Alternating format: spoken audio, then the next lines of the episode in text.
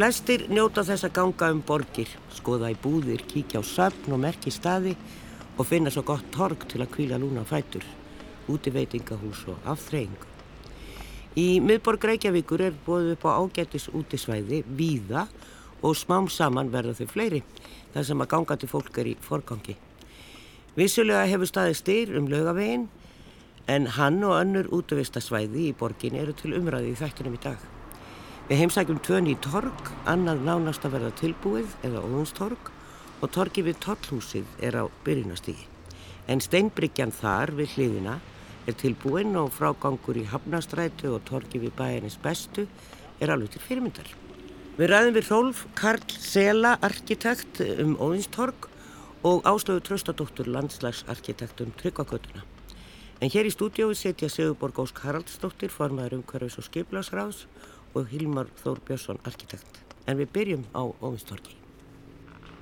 Já, fyrsta svona útvistasvæði sem við heimsækjum og þau verða nú bara tvö sem við heimsækjum en, en ræðum um fleiri og svona götu gagn og göngu götur og útvistasvæði í borginni.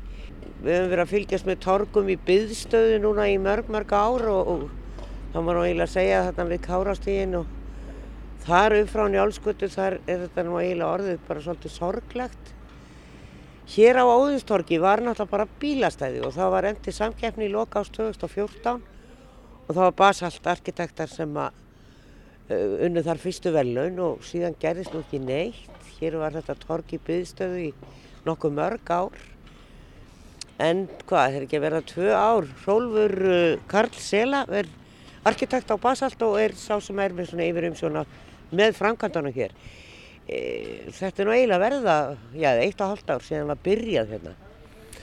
Já, hönnurinn fór, má ég segja, aftur að stað e, árið 2018 snemma og síðan hófust menn handa við framkvæmdir e, 2019 um voru. Já. Og þá var nú tekinn stefnan að klára þetta það sumarið en, en veðrið eins og það er og ymlegt getur gerst og ófyrir séð hlutir þegar þú opnar götunar í svona borgarrými og þetta skiptum beitur og ymslegt. Þannig að þetta framlengdist fram á þetta sumar og, er núna bara alveg að klárast. Já, sumarið 2018 var alltaf bara alveg ömulegt sumar, það ringti bara stöðugt, þannig að það var kannski ekki mikið hægt að vinna. En hér er fjöldi mann sem vinnur núna og þetta er svona stallað torg e, af því að það er alltaf brekka hérna og e, það var alltaf vita, þetta er svona stallað torg. En myndirna sem ég hafði skoðað þessu voru teknar í snjó og ég áttaði mikið á því að hvaða yrði mikill gróður hérna. Hér er alveg fjöldi manns að gróðusetja. Það stemmir. Eh, Tilvíðinu var skilað í desember og það var góður hópur sem stóð aðinni. Eh, Basaltarkitektar voru hluta því og, og Edda Ívarsdóttir, borgarhönnur, Auður Svinsdóttir, landslagsarkitekt, Anna-Maria Bóadóttir, arkitekt Já. og Sandi Verkís.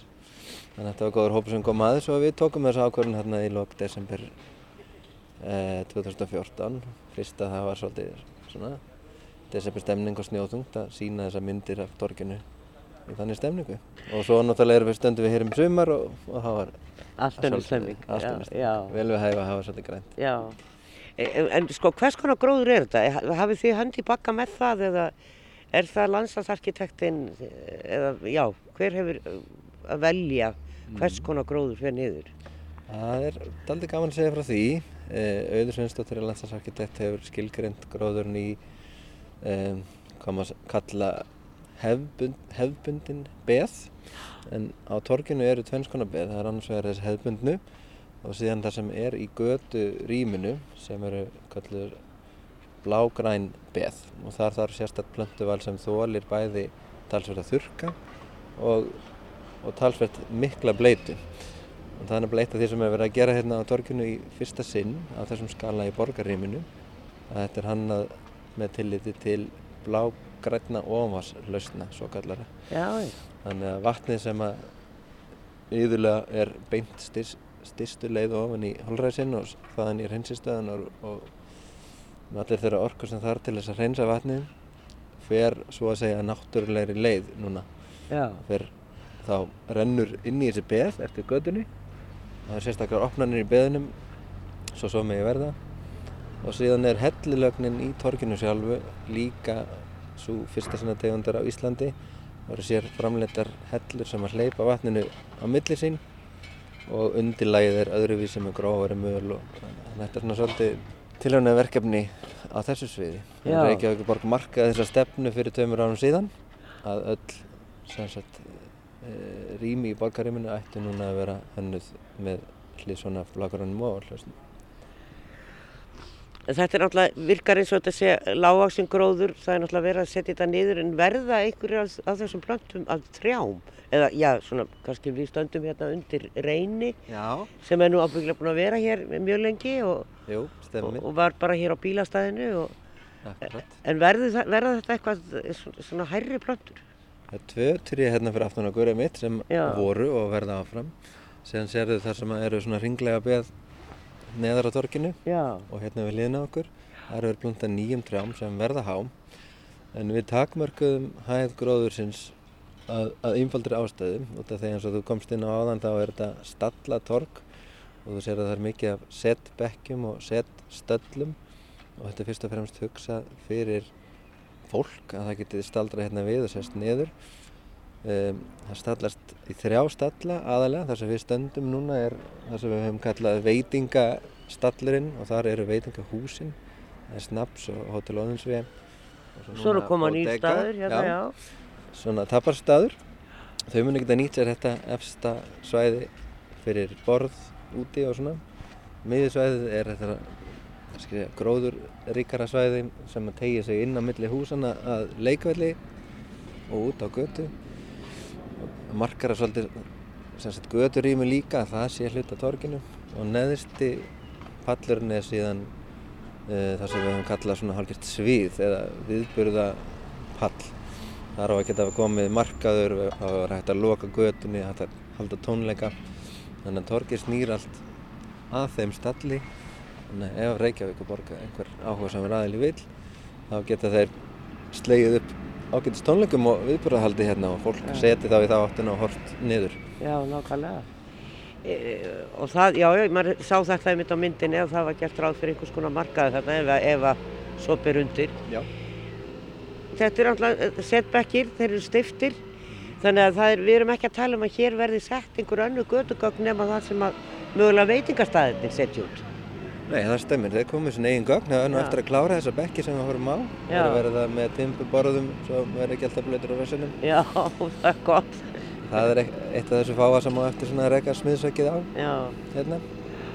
En meira meina það sem þú sérð er það sem verður fyrir utan þessi borð og stóla sem veitingareikendur koma með sjálfur. hvenar ætlaði að víja torgið? Það er góð spurning. Já, Það er með svona landslagsverkefni að maður þarf að sína talsverða þólimæði e, til að mynda verða þessi hærri tré sem við tölum um ekki gróðursett fyrir í haust því að þau verður öll löfguð núna og myndir sennilega deyja ef við reyndum það. Ég skal ekki segja, ef við ekki að reyna að klára þetta bara allt og fá heldamyndina, fá grasið upp úr moldinni og já. svo skulum við skoða víkslu.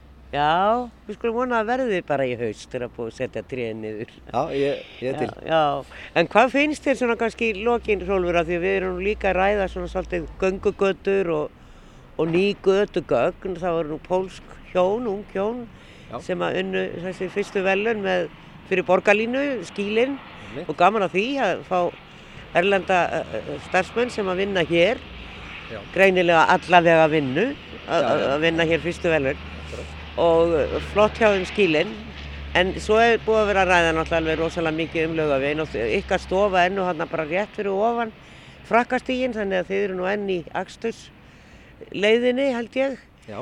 Eh, og það, það stendur mikið styrum þetta einhvern veginn og það virðist já það er engin uppgjöf í því að menna móti og með Mm.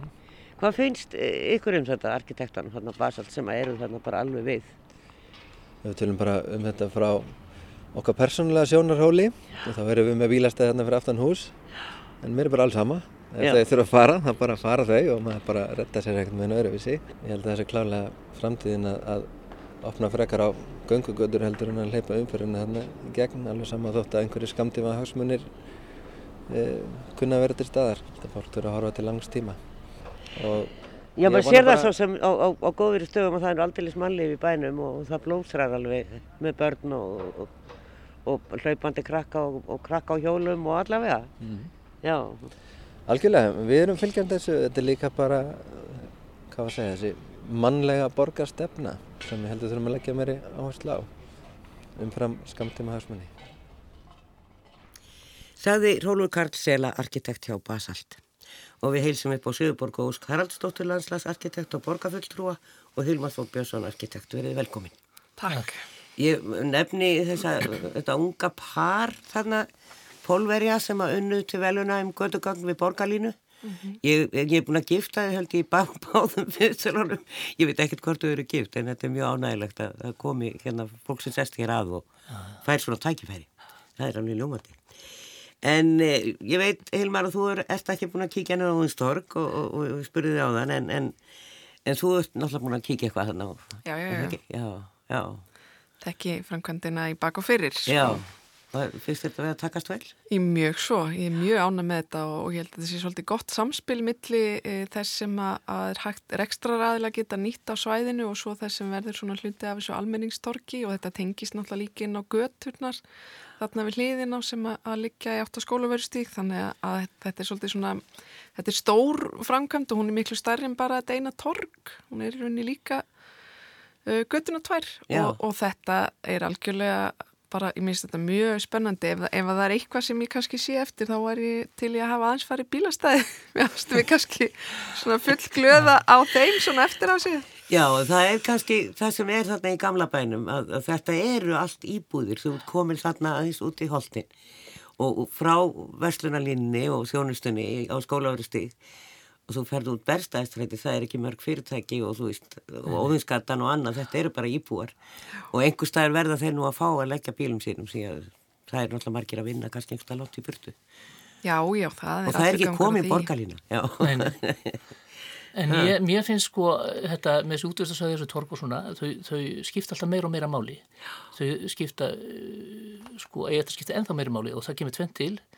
Í fyrsta leið var, var maður varfið það núna í kóiðinu þegar það voru settar hömlur á, á, á, á, samkomubann og þess að þar, þá fóru menn að nota útvistasvæðin.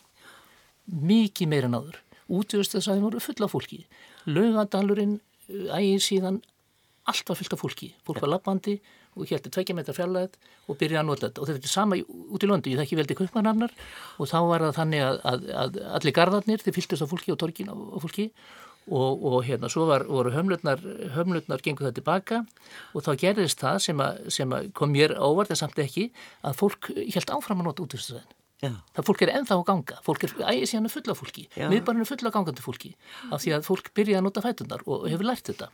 Það er fyrsta og svo í öðru lagi þá held ég að, að hérna, með eh, þeirri stefnu sem er allstaðar í borgum að minka notkun engabílsins og þegar hann minkar sem notkunum engabílum þá eikst þörfin fyrir útvæðstræðin.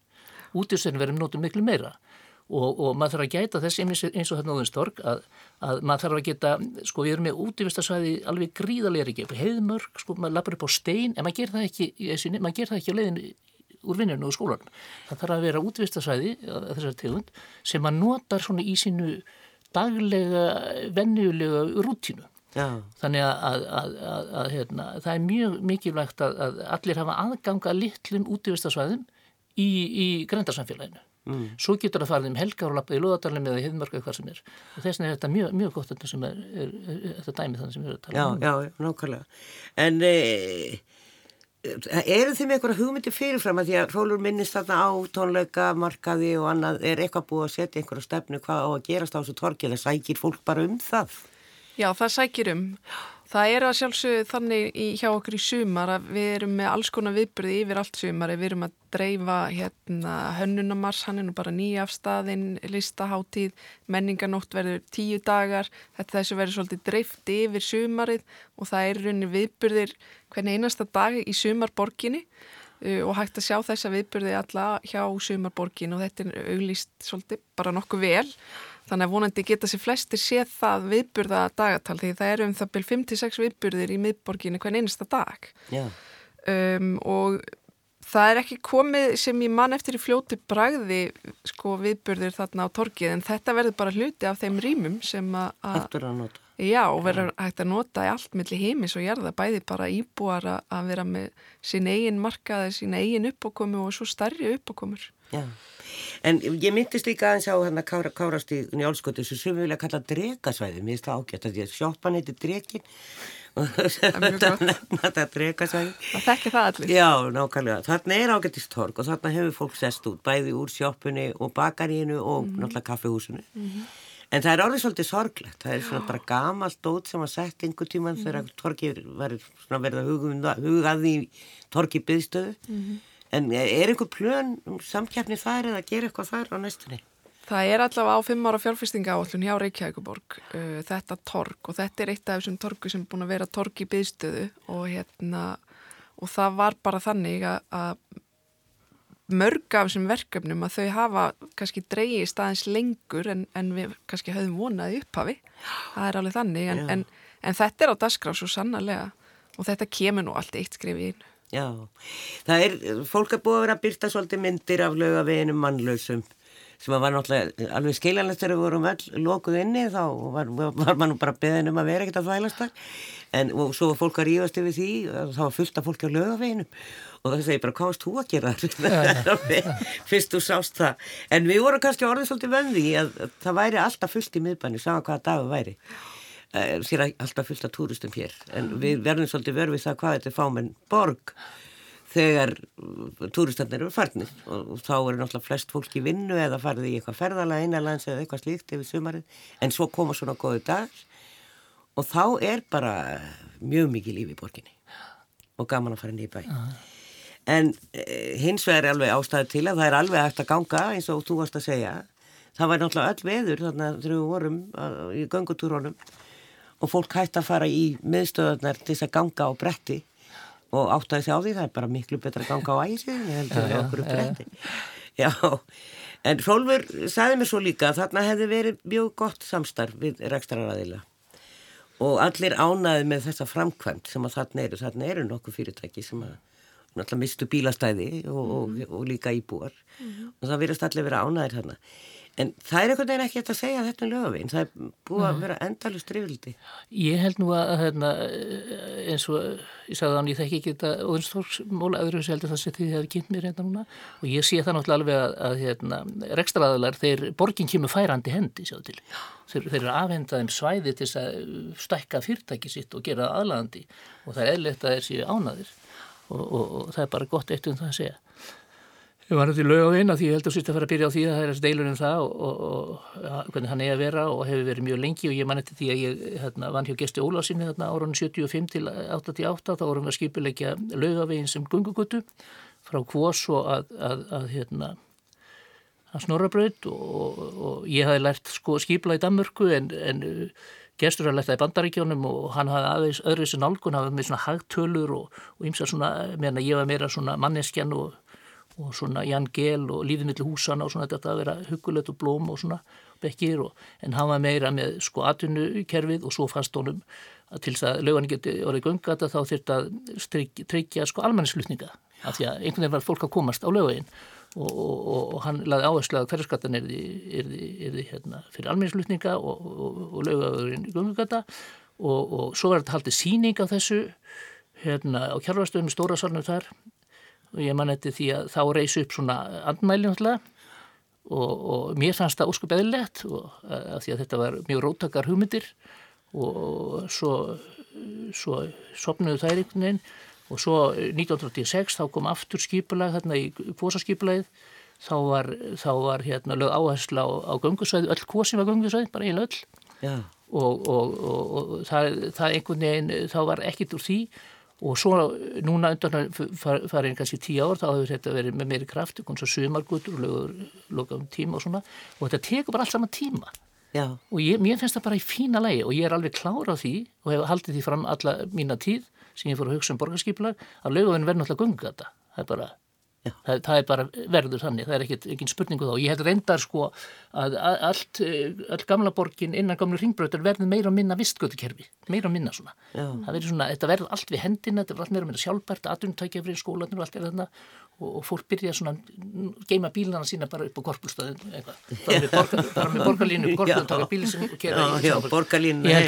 En ég held sko svolítið að mér finnst að, sko, að því að fórum á skiplarsvarið hérna, þá finnst mér, þeir ganga alltaf hart fram í þessu. Ég hef ekkert að víða sig. Ég held að mér eiga bara aðeins að leifa bara þess að gjósa, svolítið.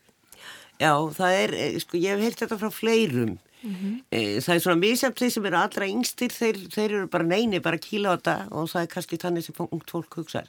En svona þeir sem eru aðeins eldri, þeir sem er ekki ástæð til að stoppa bara þetta með frakastíði núna og býða með restina og, og kannski býða aðeins með að fara að taka upp gödurnar mm -hmm. og, og teppalegja á milli húsana. Hvað er planið á þessari stundu?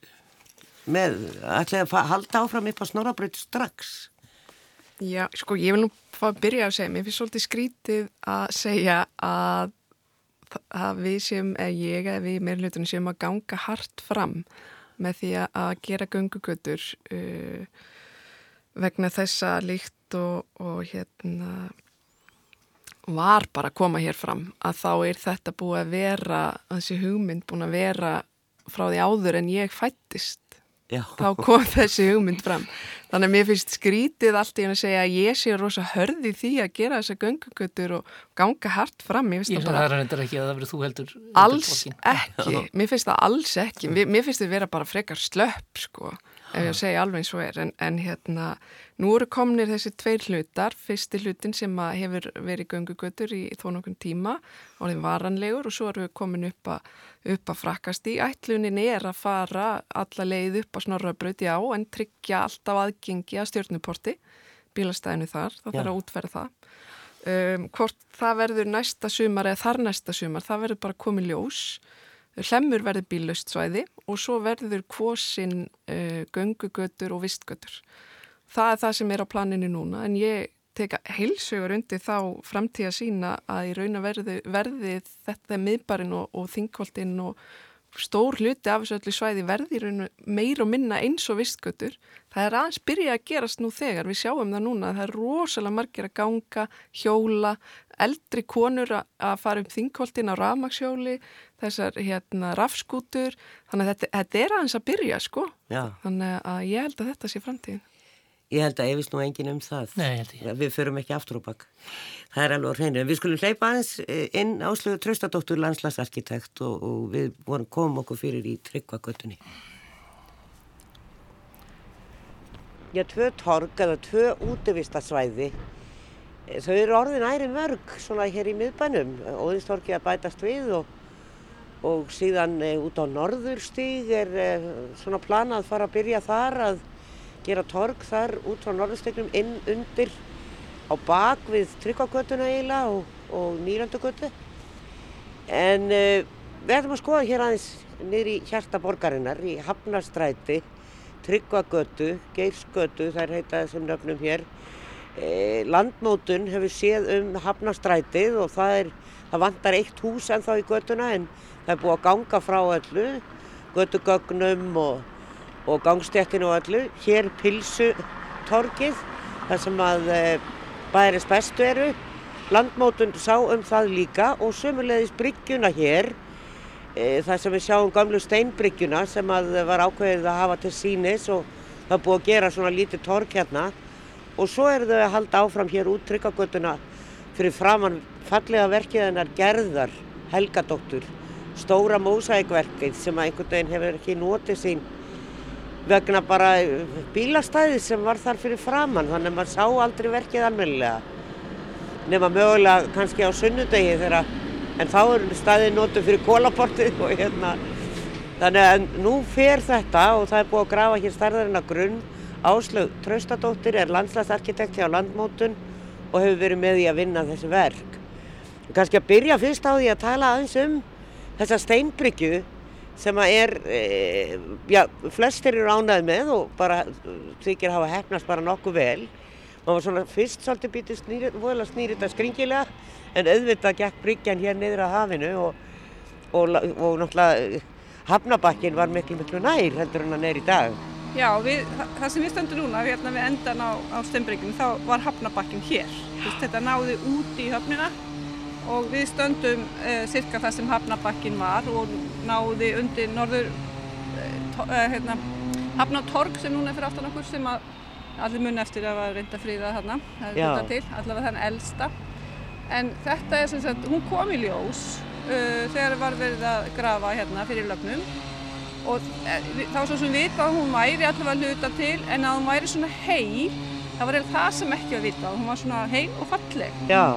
Og ofsalega vel lögð með stóru grákviti og hún er öskilið og uh, með festingum og öllu saman hún er bara verið grafin í heilu lægi eins og maður hefur bara yfirgefið eðibíl eiginlega. Þannig að það var mjög snemma ákveð hér ættu við alltaf að vera tvöfald dagstur inn í, í miðborgina frá geðskutinni en pólitingin tók bara mjög snögglega ákvörðin og allir sammála um það að gera þetta sínlegt fyrir borgarbúin sem breyttir henni daldi mikið hönnun í tryggvagötunni þannig að þess vegna fær nú gerða myndin ennþá betra plás og verður ekki bara gásitt heldur líka alveg bara torg því hér verður bara einstefna Það er búið að grafa alveg rosalega hérna. Já. Það er bara nokkri dagar síðan ég var hérna hinum einn og þá Já. var þessi skurður ekki komin hér. En e, þá er verið að endur nýja lagnir eða hvað og nota tækifæri. Já, það er eiginlega auðvitað. Það er sko verið að endur nýja lagnir. Þú byggir ekki svona eins og það sem er byggt núna í miðbænum á þess að endur nýja lagnir. Það er náttúrulega bera ekki það að sé verið að byggja bæði hótel og, og fleiri, fleiri nýbyggingar eða sem stíbórhús á þær gamlu lagnir sem eru hér sem eru bara að verða 100 ára gamlar. Þannig að það er verið endur nýja lagnir. Það var endur nýja lagnir í Hafnarstættinu út á hótelinu síðan í Tryggvagötinu núna og allaleginu út því að við erum svo neðarlega, við erum náttúrulega undir sjáamáli eins og við sjáum á bryggjunni þannig að það þarf að endur nýja allaleg sérstaklega klóak og vasslagnir að nú það Reykjavíkuborg að skipta öllu upp nú fer ekki rigningin lengur í klóaki eins og hún gerir í miðbarkinu að mestuleiti heldur að vera að leggja þá eh, aðra lagnir fyrir niðurföllin og, og það, við hefum reynd að vinna umhverfisvænar óvarslöfnum hérna í Tryggvagötinu mjög erfitt að því við erum svo neðarlega en öll trén hérna standa þannig að þau taka við smuglaríkingavatni og hægt er og þessi litli tryggvöldu sem er hérna sko austast, hann er með niðurföll sem er bara leiða út í trén. Það er engin, enga lagnir í burtu frá niðurföllunum hér, þannig að við nýtum alla rigninguna í þessu litla svæði í, í trén. En Já. það er hins vegar ekki hægt á stóra svæðinu hérna sem er verið að gera núna. Það er alltaf stórt til að trénum að getur borið það. Þannig þar verða reglastlagnir. Við skulum fara aðeins hérna yfir. Já, svo við sjáum hérna aðeins á verkið hennar gerðar. Já. Það er náttúrulega bara allt annað að sjá umbúðunar í kringum bæjarins bestu.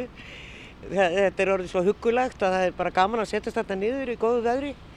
Og ég hef tekið eftir því hér einmitt á Steinbryggjunni að, það er, að, að fólk nýti sér þetta Já. og fæ sér eina pulsu og sest þarna Já, hinum einn og, og situr á, við Steinbryggjuna. Já. Svona bara stallað niður og Já. hægt að setjast þarna á trépallana. Já, og það er kannski eitt af því sem er gott í steinbryggjuna er að hún var ekki ætluð undir neitt sérstakt. Hún er bara almennistorg eins og bryggjan var, sko steinbryggjan var bæjarbryggja, það er að fyrsta bryggja sem Reykjavíkuborg byggði vegna þess að fiskimenn og aðrir voru fannir að kvarta yfir hvað verið dýrt að kaupa leguplás. Allar hinn bryggjum voru í eigu kaupmanna, flestra danskra, þannig þetta er bryggja Reykjavíkinga og nú eru búin að búti torg fyrir Reykjavíkinga, það sem ekki er neitt sem er með veitingahús sem fer út, þú mátt sitja þarna og þú ætti ekki að kaupa af neinum. Þetta er bara almennistorg og það snýr mjög vel, það er sól hérna nánast frá svona 11 og langt fram á kvöld einhver staðar. Við vöndum okkur aldrei mikið við lýsingur að leika í kringum steinbreykina og vorum með skemmtilega lýsingar hérna frá mannvik og sem fekk, og við fengum velun fyrir það Já, nákvæmlega. Ljóstakningfélaginu og voru tilnæmt til Norranna veluna sem fengur þetta ekki og risa verkefni Já. í Helsingi sem fekk þau. Við vöndum okkur rosa mikið að gera þessa bryggju huggulega fyrir Reykjavíkinga og síðan er náttúrulega verkið hennar gerðar alveg ofsalega fallit og, og það er eiginlega svo, sko, það kemur mann svo óvart þegar maður fyrir að skoða nær því þetta er ekki bara mósækbitar, heldur líka gilling, svo eru náttúrusteinar, uh, svona kvart sem er sagaður þannig að maður sér inn í hólufyllinguna og kemur rosalega óvart og opbóslega margir litir og samt er þetta bara höfnin og Já. sólsetur. Þetta, hérna, núna fær þetta sem er frá 1973, 74 var það víkt, hún vann samkeppni hérna 73, þá var tekið alvarlega að ofnbæra byggingar ættu eigða minnstakosti 5% í listskreitingar og Tollhúsi gerði, held samkeppni um það sem er mjög gaman og gerður vann hana og, og var, var alveg heilt ár að vinna þetta held ég. Þetta er örgulega með starri og ábyggla stærsta músækverk á landinu. Já, ég, ég held það. Það, það er einhverja svona kirkjulistir þannig en, en svona úti veggmyndir er þetta bara, ég held bara við tekur okkur einhverju í, í því að segja þetta síðan stærsta eða með því stærsta, alveg bótt ég. Hvað hafið þið hugsað ykkur að gera svo hér? Því að uh, það, það verður hægt að aga hérna áfram og kæra hérna í einstefnu átt þegar í austur átt. Já, nei, í vestur átt. Það verður einstefnu í vestur átt. Einstefna hér? Já. Hérna, já, já, já. Það verður hægt að koma áfram inn í tryggagötuna frá endanum, sko frá, frá Kakkosvegi eða Lækjagötu og kæra í Í vestrætt, já, já, já, einmitt. Þannig að þetta verður náttúrulega bílasvæði líka. Já, já. En hvað, hvað hugsaðu ykkur með torgið? Við fengum svolítið að vanda okkur við það. Það verður hérna e, á því vaskúltúr sem er svona þókuskúltúr. Það, það, það spröytar úða en ekki drópum þannig að maður blotnar ekki beinlinis en, en það er svona sem leikur í, í, í torgi að hafa eitthvað sem er lifandi.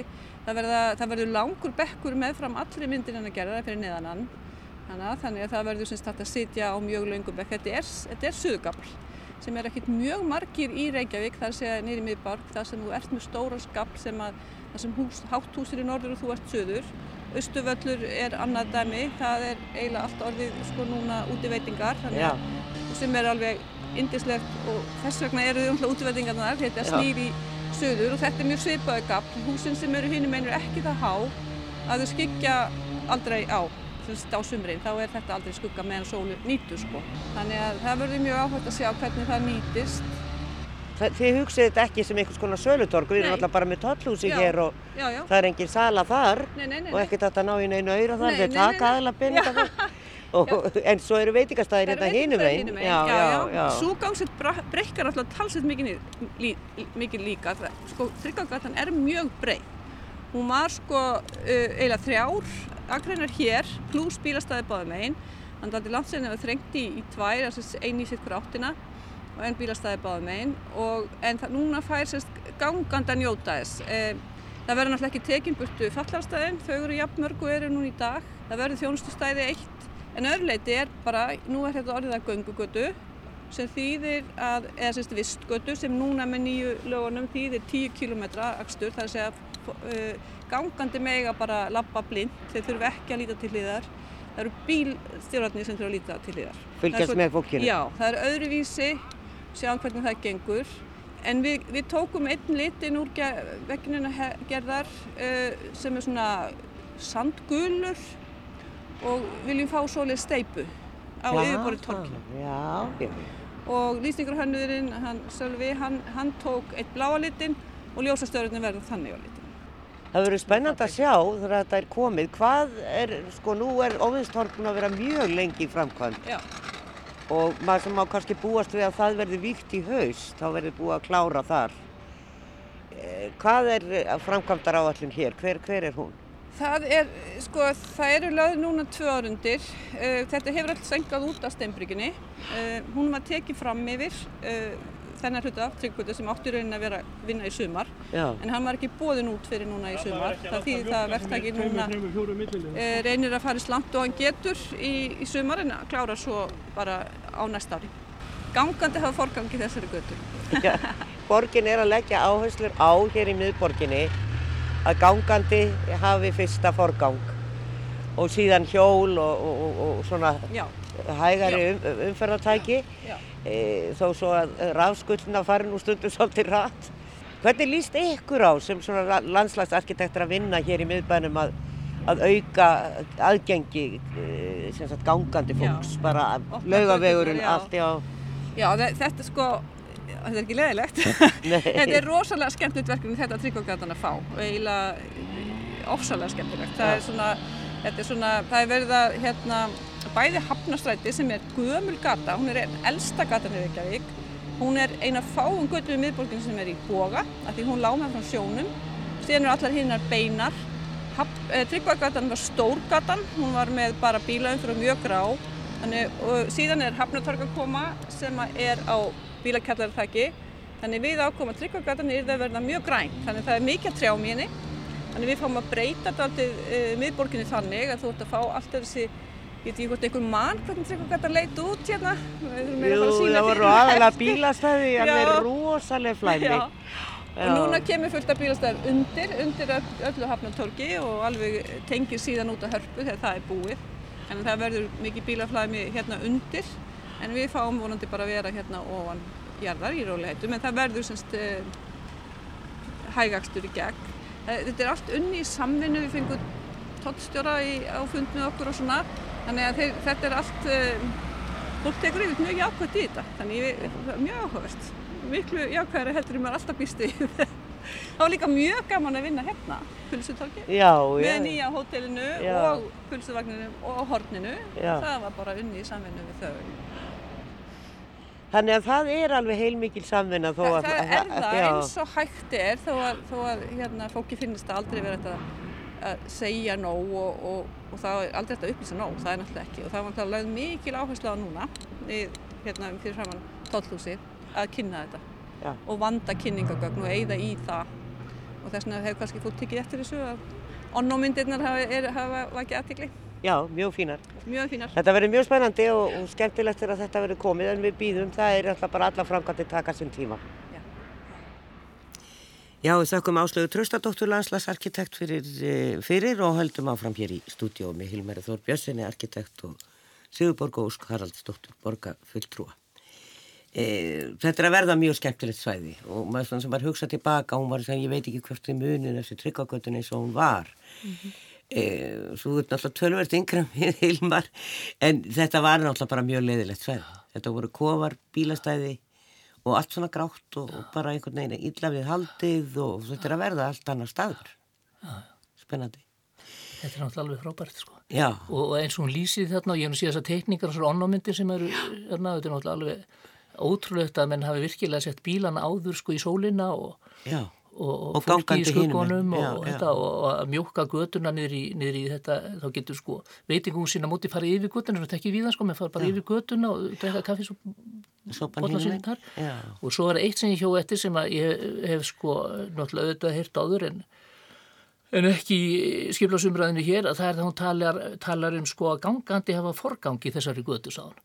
Þetta þetta er það sem hefur verið við líðið til í París og Kaupmannum viðar og, og, og áratögustrein og hljóma eins og gammal kall en ég er hann náttúrulega líka en, en hérna en uh, þetta hefur virkað og þetta hefur verið gert þannig að, að hérna að, að, að þetta hefur ótt verið sko millileiku milli, milli hérna, bílagötu og hreitnar gungugötu og, og við þekkjum til streðið í kaupinu fyrir hlýðin á strykinu það er svona og fullt af götum í París öll mýrin í París er eiginlega svona og þetta er bara út um allt en ég spyr sko núna tvent, af hverju verður þetta ekki nota á löguðinum og svo hins vegar hvernig veit bílstjórin að hann hegi að passa svo gangandi. Myna, þetta er það sem ég heyri að fólk segir. Fólk segir sko, það þýðir ekkert. Bílarnir bara að maða eftir þessu öllu saman og, og, og maður þarf að forða börnum, síður á börnum sínum út af þessum bílustum sem keira bara yfir mann og, það er nút á umræðinu lögum. En hvernig veit, veit bílstjórum þegar hann kemur á þessu stuttakabla þannig að allt í núna er, er þetta, þetta PPS-skatt eða sem sagt að gangandi á forgang, hvernig veit hann það? Það er bæði sagt, skilta samkvæmda umfyrðalögum og það nýju umfyrðalögin eru nokkuð skýr með þessar skilgreiningar Já. sem betur fyrir. Það var svolítið gott við nýju umfyrðalögin sem tók í gildi núna um árumáti. Er gert Þannig að þetta er skilta, það er sérstaklega og, og svo er líka náttúrulega bara hönnun götunar gefið það til kynna að bílin er gestur í rýminu og hann þarf að passa sig. Það er allt öðris umhverfi, það er ekki svona mikið pláss á gödunum heldur er, er þetta kannski bara hellulegt yfirborð og það er mikið að gróðri og, og mikið að lífu og alls konar að gerast. Þannig að þú upplifir umhverju bara eins og þú eigir byrju, byrju, hvað, þú, það er eiginlega svo mikið í gangi að þú þarf bara að keira mjög hægt til að fylgjast með öllu. Yeah. þannig að það, og svo er þriðjið þátturinn og það er náttúrulega menningin. Það er bara, bílamenning á Íslandi er ákveðin tegunda djúb menningu hjá þessari þjóð og það, það er eitthvað sem tekur langan tíma að breytast. Hún sveiflast ekki eins og fatatískan sko, djúpmenning er, er tekur miklu lengri tíma en það að breytast sko, en við tilgjöntum það fyrir cirka ári síðan með uh, draugum aðalskipulas breytingu að gangandi er því settir í forgangi í borginni í öllum framkvæmdum, í öllum hönnunu og öllu skipulagi. Og þá erum við bara með ákveðin píramíta þar sem að gangandi er efst og síðan koma hjólandi og svo almenningssamgöngur og svo kemur þetta bara kollakolli, deilibílar, leigubílar og svo engabílin neðst. Já, e, og svo er náttúrulega auðvitað sjúkraflutningar þeir hafa alltaf aðgang. Já, já þeir náttúrulega geta nýtt sko, sér reyna strætó og borgarlínu. Það er nýtist sjúkraflutningum og slökkuleginu. En, en sko, og leigubílarnir hafa fengið að keira þessar strætólínur. Mhm. Mm Legubílstjórar, ég fer svolítið með legubílum í viðtölu og annað og þeir spjalla mikið og vita hvað ég er að gera og spurja mikið. Þeir tala svolítið um að, að það sé svolítið óljóst hvar þeir megi stoppa. Lítur borgin ekki á legubíla sem almenningssamgöngur?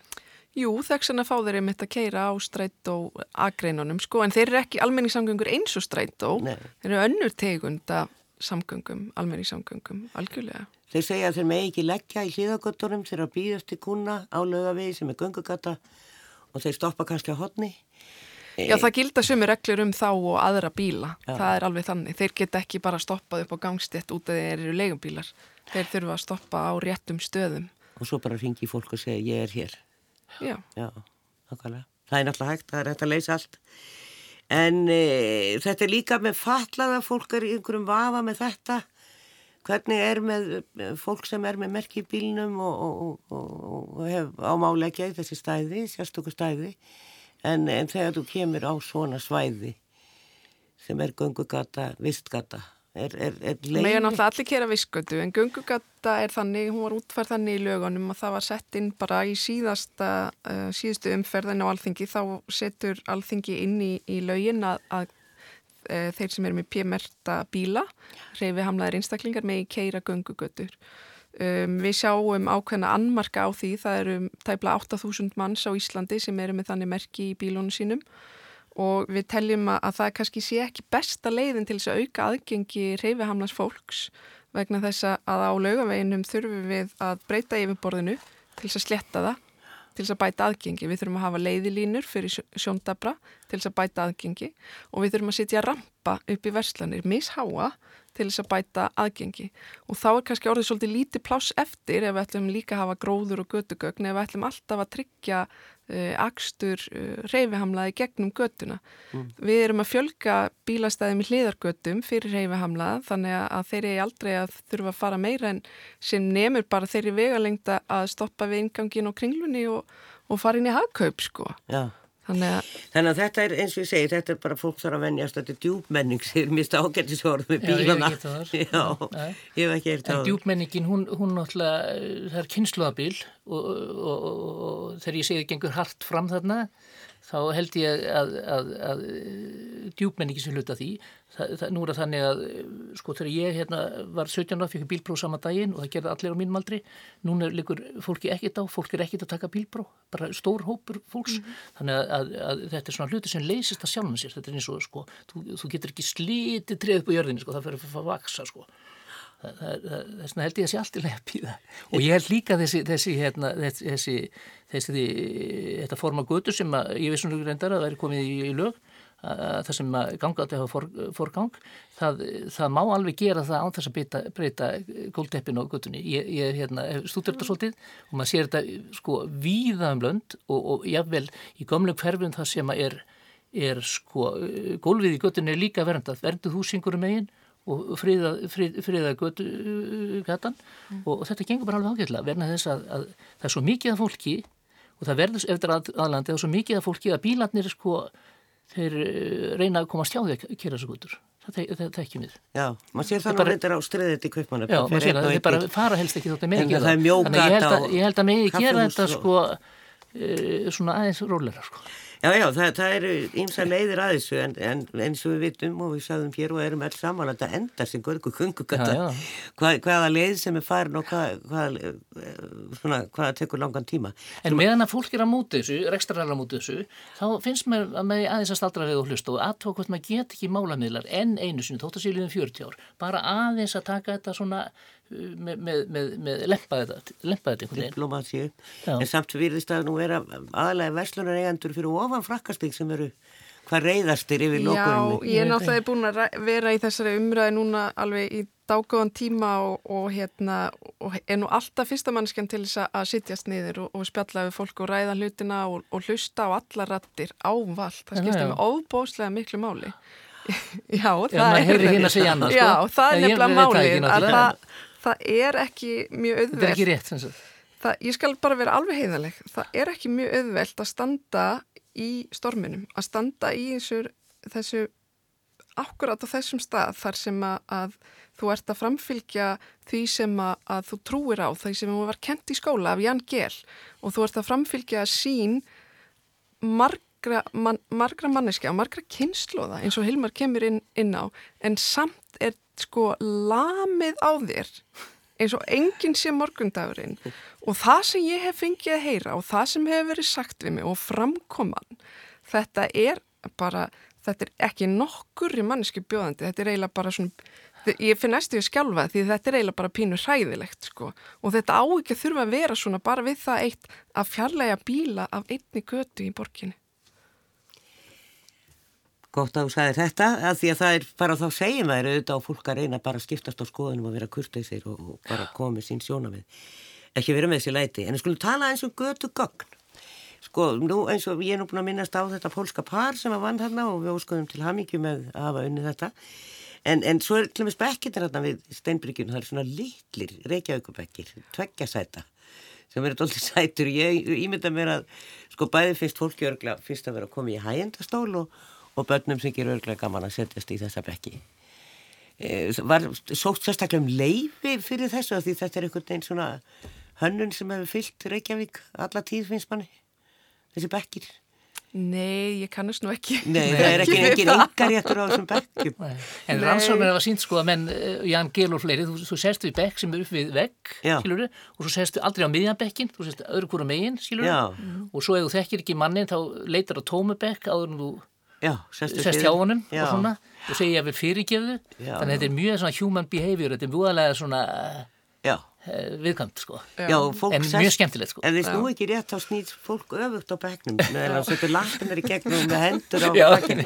Þetta er að- mjög fyndið að sjá hvernig fólk hefða sér. Já, já. En það eru gríðarlega framkvæmdir í vændum og við heyrðum náttúrulega undir öllu þessu viðtali endalaus hljóð af byggingatækjum og framkvæmdatækjum og maður svona fyrir að hlaka til og hvenar þegar þetta verður búið? Maður getur komið í bæin og það er engin að saga og engin, engin að banka og, og ekki neitt. En hérna og það er sem sagt borgarlínan, öll svo framkvæmt hlemur uh, sem á eftir að gera BSI uh, brú yfir í Kársnes og brú yfir Ellavógin hvað er svona það, ég veit ekki þetta er alltaf svo mikið yfir sínir hjá borginni sko hvernig þessar framkvæmdur hvenar við getum sagt það er séu ja, eftir tíu ár er þetta búið? Er þetta, eða er þetta endalust engin Já, friður. um, það er nú kannski erfitt að segja eftir hvað gerst nákvæmlega eftir tíu ár en, en hérna, jú, allir er, er að- að reyna að fara af stað á næsta ári og, og það er nú kosturinn við borgarlínu að, að við erum ekki að gera léttleist þar að segja að þetta er minni, minni framkvæmdir, minna yngripp þannig að það er nú ákveðin kostur sem að, að léttir framkvæmdir verulega myndi ég segja. Um, en það er hluti af því að búi borg að hún er alltaf að breytast og, og hérna sérstaklega miðbarinn og, og ég er sjálf mjög spennt að sjá einmitt hvernig þessi, e, þessi stoppistöðar sem að, að þau unnu, þau eru þarna með stofu sem heitir Formatíka ef ég mann rétt, þannig að pólska París, ég venn og við kynna að kann ekki bera fram nöfnin þeirra. Nei, það var, ég var að ákvaða að hafa það með eins og ég lendi vandræði með Já, þetta. maður verður að viðkynna vankunáttu sína þar Já. en hérna, og þegar það fyrir að byrtast á hverfisgötunni þessar stoppistöðvar og, og hérna og gróðurinn sem þeim fylgir og, og í raun og veru líka á lækagötunni og allt þetta að, að ég, ég, ég er náttúrulega bara rosalega spennt að sjá þetta og ég er búin að sjá myndir af þessu og ég held að, að hérna, þetta muni hafa svo mikil áhrif á okkar líf en, en hérna framkvæmdir ég held að þær verði nú bara á meðan við búum í þessari borg sko. Já. Já, En það er að breyta hverjafskötunni mikið? Nei, ekki mikið, nei. Nei, nei. En það er eins og að þú kom aftur á lögaveginum, mér finnst að hérna, ég býða með að lóka lögaveginu og alltaf borgarleginu farin að virka. Já, það eru náttúrulega gríðarlega marga leiðir strætó sem keira í dag upp og niður hverjuskötunum þannig að aðgengið er alveg svakalega gott. Já, já. þetta er stutt, Um, þetta er ein lítil brekka Ég veit að ég, já, já, já, já, ég finnst bara að vera sko það þarf að fóðra miðbæin Já og það er það sem hverfiskatan er að gera akkurat það sem að, að hérna, gestur var að tala um á sínum tíma að, að hverfiskatan er að því með sko það kemur stræt á bara að tekja mín fresti á hverfiskatunni sko. Já Já, það er á rétt. Ég sem er strætómanniski, það er, strætóar í röðum, það er upp úr og niður úr. Endalist að það tala um skipilagsmálun og framkvæmtir hér, en við verðum að stoppa hér. Sigurborg Haraldsdóttir, formaður umhverjus og skipilagsráðs og Hilmar Þór Björnsson, arkitekt. Takk okkur fyrir. Takk.